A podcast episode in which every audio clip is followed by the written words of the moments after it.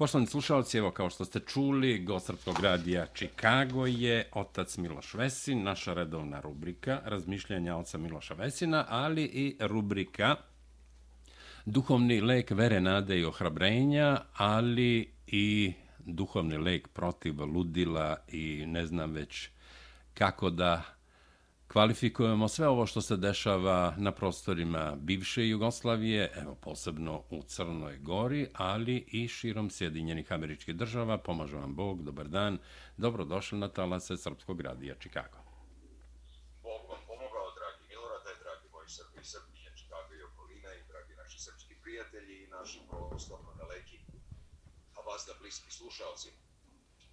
Zaista svaki dan nam donosi toliko i čovek, makoliko da smo okruženi i negativnim, vrlo često i ružnim dešavanjima, a pogotovo tek vestima, bi ipak trebalo da na dnevnom nivou za sebe i za svoje najbliže odvoji ono vreme koje će biti posvećeno isključivo onome što je lepo, što je plemenito, što je dobro i pre svega onome što je sveto tu pre svega mislim na vreme posvećeno molitvi, jer ništa toliko čoveka ne priprema za zdrav, funkcionalan i pre svega smiren dan, nego što je to molitva na početku svakoga dana. I sa druge strane, ništa čoveka toliko ne opušta i ne priprema za zdrav san, nego što je to molitva pred spavanje i po mogućstvu čitanje jednog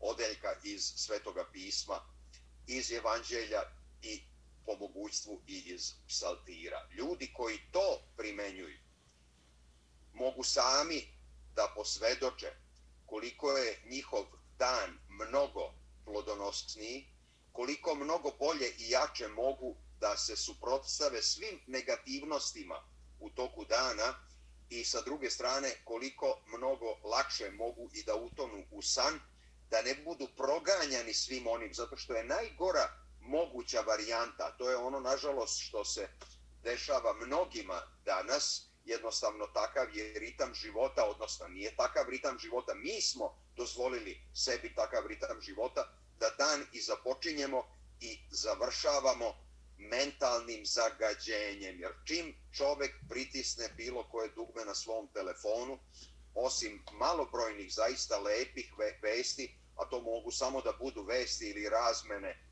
zaista iskrenih prijateljskih reči među onima koji sebe smatraju prijateljima, sve ostalo je zaista negativnost do negativnosti, bez obzira da li su stvarne ili su pak lažne vesti.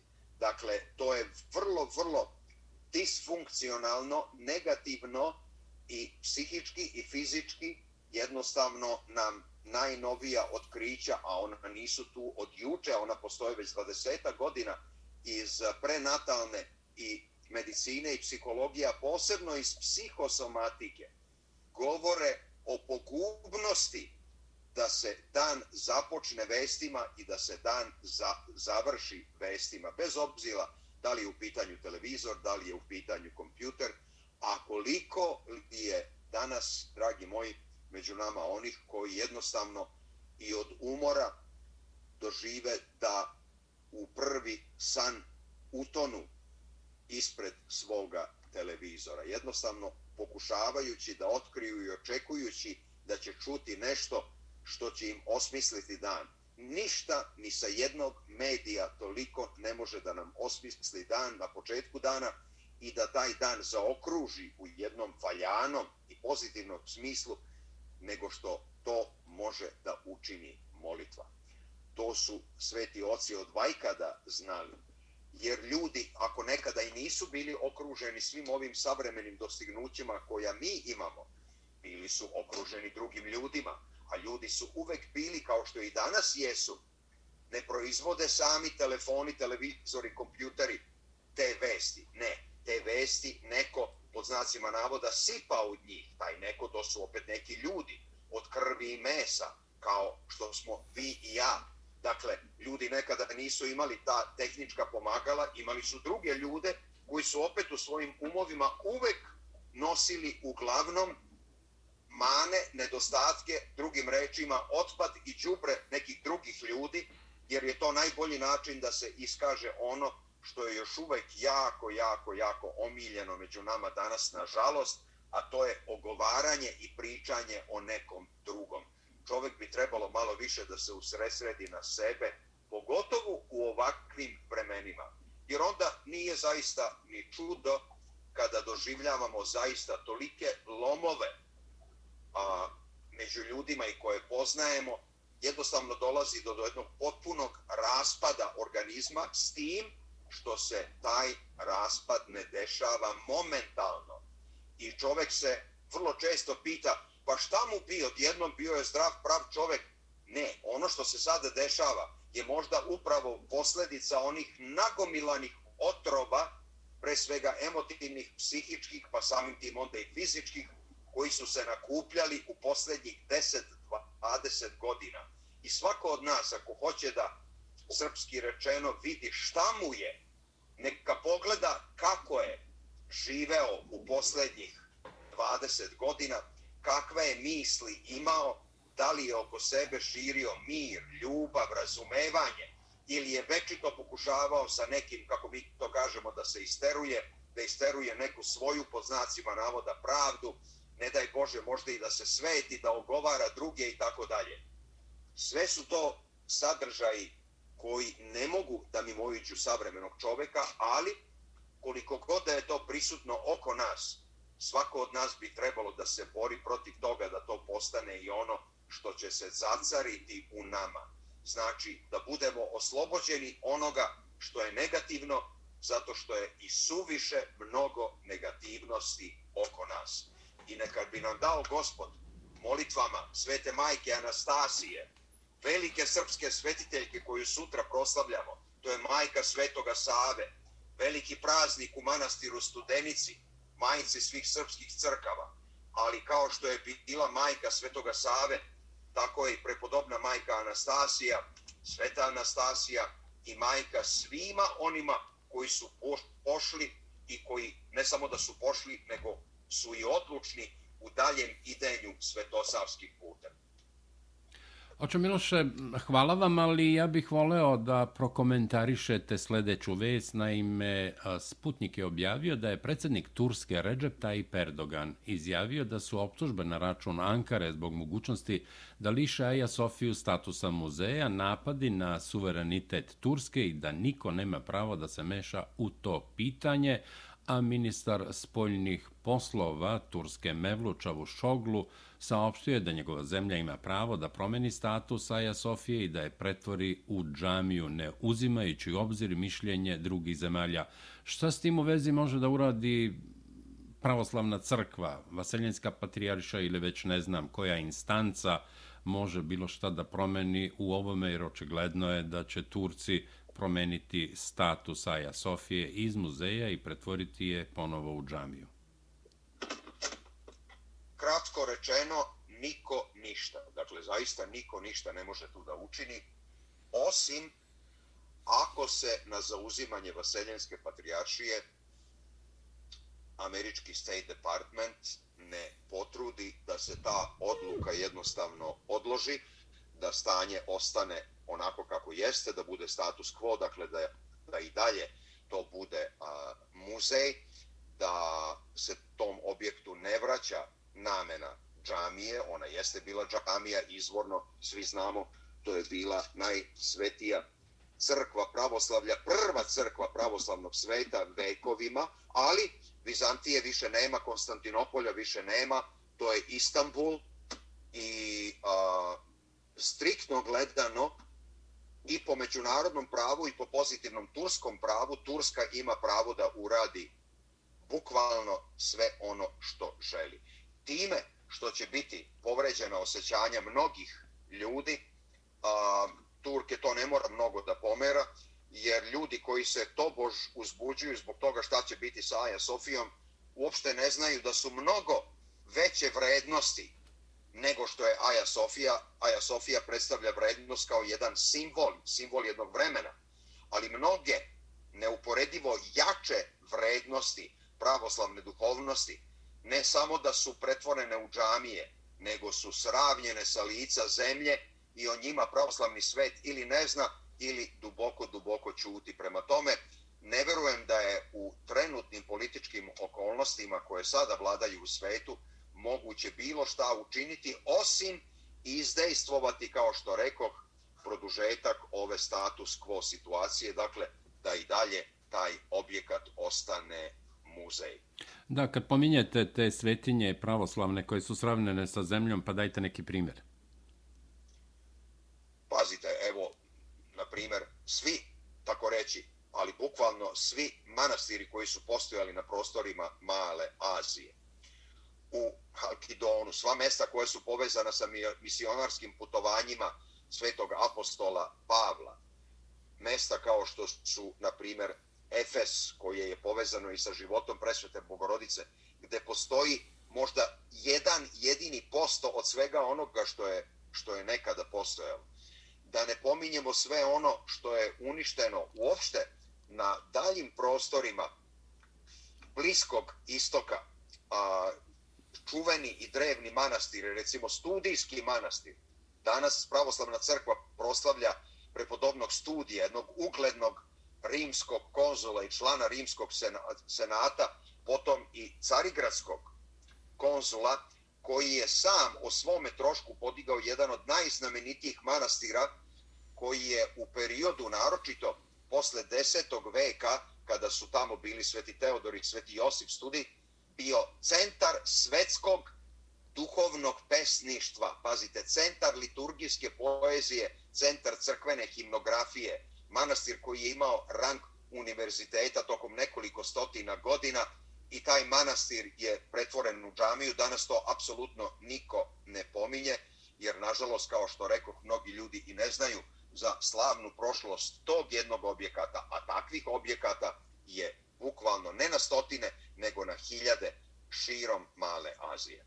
Hvala vam i svako dobro svim vašim slušalcima. Hvala vama, prijatno i čućemo se u ponedeljak. Također, hvala. Naš gost je, naš gost je ekspert za borbu protiv međunarodnog terorizma i ne samo protiv međunarodnog, nego za borbu protiv terorizma, Dževad Galijašević. Dževad je dobroveče, dobrodošli na Talase Srpskog radija, Čikago.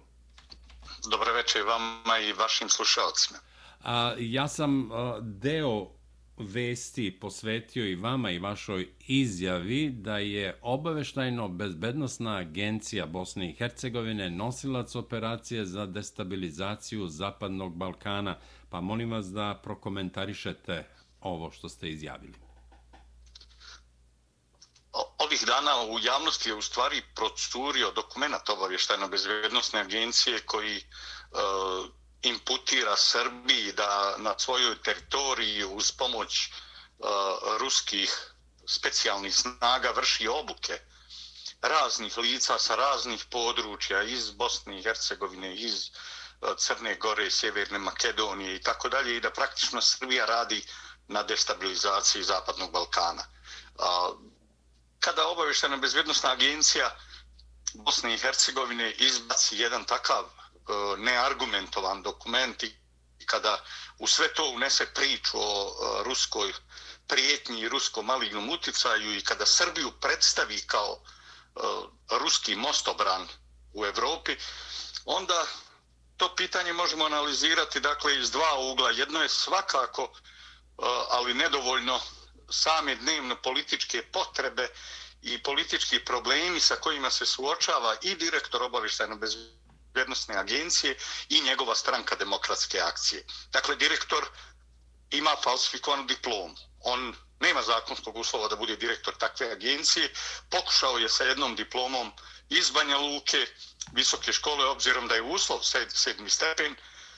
Onda mu to nije prošlo, onda je pokušao sa nekom diplomom iz Travnika, pa ni to nije prošlo. E, sada je donio neku diplomu američkog univerziteta i to djeluje bombastično kada kažete američki univerzitet u Bosni i Hercegovini. U stvari je neka privatna škola jednog kontroverznog biznismena iz Tuzle koja ima dozvolu za rad samo na području Tuzlanskog kantona. Dakle, čak nema ni dozvolu za rad niti mogućnost držanja nastave u Sarajevu. Naravno, ostaje i pitanje kako direktor jedne službe, Osman Mehmedagić Osmica, taj e, zločudni tumor na, na tkivu Dejtonskog sporazuma i međunacionalne saradnje uopšte u, u Bosni i Hercegovini, kako je uopšte mogao upisati fakultet kad je završio samo trogodišnju, praktično zanatsku e, srednju školu električara. Dakle, e, taj njegov lični problem dakle je sigurno jedan jedan aspekt on u srijedu izlazi pred e, parlamentarnu komisiju BH za nadzor nad radom ove i on će tu doskoj spremi i o drugim stvarima morati da podnese. Naravno i njegova stranka ima ozbiljne probleme. SDA e, je opterećena unutrašnjim sukobom. Dva moćna klana, jedno je bez sumnje i najmoćniji klan Izetbegovićeve dinastije, Bakira Izetbegovića i njegove žene Sebije sa jedne strane, koji uz Šefika Džaferovića i druge ljude u stvari predstavljaju najmoćniji dio uh, same stranke demokratske akcije, ali sa druge strane moćno, prilično moćne porodice Čampare i Zvizdići koji su i rodbinski povezani, koji drže e, konce Ministarstva unutrašnjih poslova u federaciji koji vodi Aljoša Čampara ili, ili u pravosuđu u tužilaštvu Dubravko Čampara ili Denis Zvizdić koji je u Domu naroda parlamentarne skupštine BH. Dakle, taj unutrašnji politički sukob iscrpljuje stranko-demokratske akcije i daje određene političke žrtve. Tu je naravno i unutar bošnjački sukob sa kojim se SDA suočava obzirom da protiv sebe sve snažnije ima e, stranku Fahrudina Radončića, Savez za bolju budućnost i, i socijaldemokratsku partiju koju predvodi Nermin Nikšić. Dakle, pored toga SDA je pritisnuta korupcijom, sistemskom i endemskom korupcijom otkrivenom u aferi respiratori. Dok su ljudi umirali, oni su pravili eh, poslove u kojima nešto što vrijedi tek 2 ili 3 miliona eh, se plaća 10,5 miliona. Eh, ta njihova operacija pljačke sa respiratorima je danas predmet pravosudnih institucija, vodi se E, istraga, tužilaštvo provodi istražne radnje, poduzete su određene mjere, a u samu istragu uključen je i premijer entiteta Muslimansko-Hrvatske federacije Fadil Novalc. Dakle, to jesu ti dnevno politički problemi koje SDA ima. Ona ima problem i moguće komunikacije sa najvećim uh, E, Hrvatsk, najvećom hrvatskom i najvećom srpskom političkom strankom i sa SNSD-om i HDZ-om. Dakle, i to sigurno jeste jedan od razloga zašto stranka demokratske akcije i Bakir Izetbegović žele da pokrenu bošnjake i samu stranku SDA u proces homogenizacije izmišljajući neku rusku i srpsku prijetnju na Balkanu. Ali to naravno nije sve. Dakle, i nije čak ni najvažniji dio uh, problema. Najvažniji dio problema jeste u kontinuitetu destruktivnog djelovanja ove službe. Ona je to radila i u vrijeme kada je vršen atentat na Aleksandra Vučića u Srebrenici, tada predsjednika vlade iz Srbije. Ona je to radila dakle, i u vrijeme kada je provodila prije tri godine operativnu akciju u Ušće, a to je bio praktično i tehnički i fizički nadzor nad odgovornim licima politike Srbije, državnicima, dužnosnicima, ambasadorima, članovima vlade i tako dalje.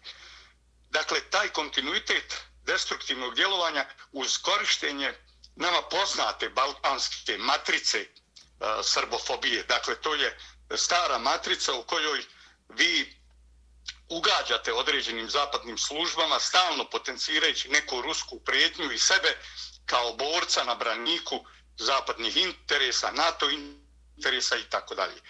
Dakle, istovremeno oba želi u stvari da Srbiji oduzme taj imić koji je Srbija opravdano stekla, e, stabilizatora balkanskih prilika. Dakle, e, vjerujte da je bolje biti manjina u Srbiji nego bilo gdje na Balkanu. Dakle, da u Srbiji manjine još uvijek žive dobro. Žive, u stvari, ja bih rekao, jugoslovensku ideološku metafiziku bratstva jedinstva. Dakle, i Mađari koji žive dobro, koji sarađuju sa predsjednikom Vučićem i njegovom strankom, i Bošnjaci koji, poput eh, SDP-a, Sandračke demokratske partije, koji vodi Rasim Ljajić i koja je pobjednik u Novom pazaru, dakle, i, i koji praktično su bili na istoj listi e, pod imenom Aleksandar Vučić za našu djecu. Dakle, e, istovremeno iz Bosne i Hercegovine upravo ova služba želi da to e, sruši i da sruši mit o saradnji Srba i Bošnjaka u Srbiji. U Srbiji naime sarađuju nekoliko političkih linija E, bošnjačkih i srpskih. Dakle, e, s jedne strane imate bez sumnje Rasima Ljajića kao najbližeg partnera predsjedniku Vučiću, dakle, koji upravlja Novim pazarom, koji je pobjednik u Novom pazaru, imate e, njegov uticaj u Sjenici i Tutinu. Dakle, s druge strane imate uh, Muamera Zukorlića, akademika, doktora nauka, koji je u, u zadnje dvije, tri godine prilično pozitivno nastupao i radio na razumijevanju između uh, E, Bošnjaka i Srba. Isto tako imate i unutar vjerskih zajednica uh, Rej Sulemu Hanumana, imate djelovanje Muhameda Jusuf Spahića koji je bio do juče muftija i sin muftije Hamdije Jusuf Spahića koji je danas diplomata. Dakle, pokušaj da se kroz pravljenje novopazarske afere, covid afere, korona, u stvari naruše odnosi Bošnjaka i Srba, da se oni predstavi lošim i da se kaže da Srbi žrtvuju Novi pazar koji umire u nekim uh, korona mukama i tako dalje. Dakle, sve su to rezultati ovih destruktivnih akcija obavještajne bezbjednostne agencije. Dakle, zato se oni ne smiju podcijeniti, oni direktno ruše mir, ruše saradnju među narodima, ruše Dejtonski sporazum. To je danas jedna privatna čaršijska obavještajna služba Izetbegovića i njegove dinastije koju vodi nekompetentan, neobrazovan čovjek.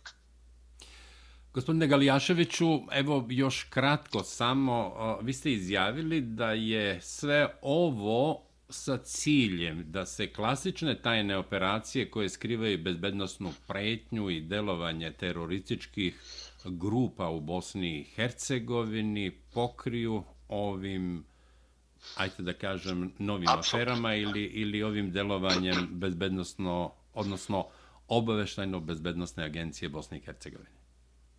To jeste najopasniji dio pozadine djelovanja obaveštene službe i to jeste potvrda njenog destruktivnog pristupa. Dakle, e, odlazak u ratove e, zavedenih mladića iz Bosne i Hercegovine u ratove u Siriji i Irak, njihov povratak koji je potpuno nestao sa reflektor, reflektori više nisu upaljeni na njihovim povratkom.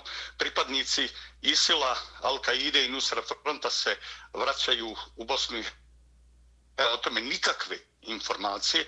Istovremeno imamo taj takozvani talibanski udar na Bosnu i Hercegovinu, ulazak Afganistanaca i Pakistanaca, koji stranka demokratske akcije zdušno podržava u zajedničkim organima vlasti.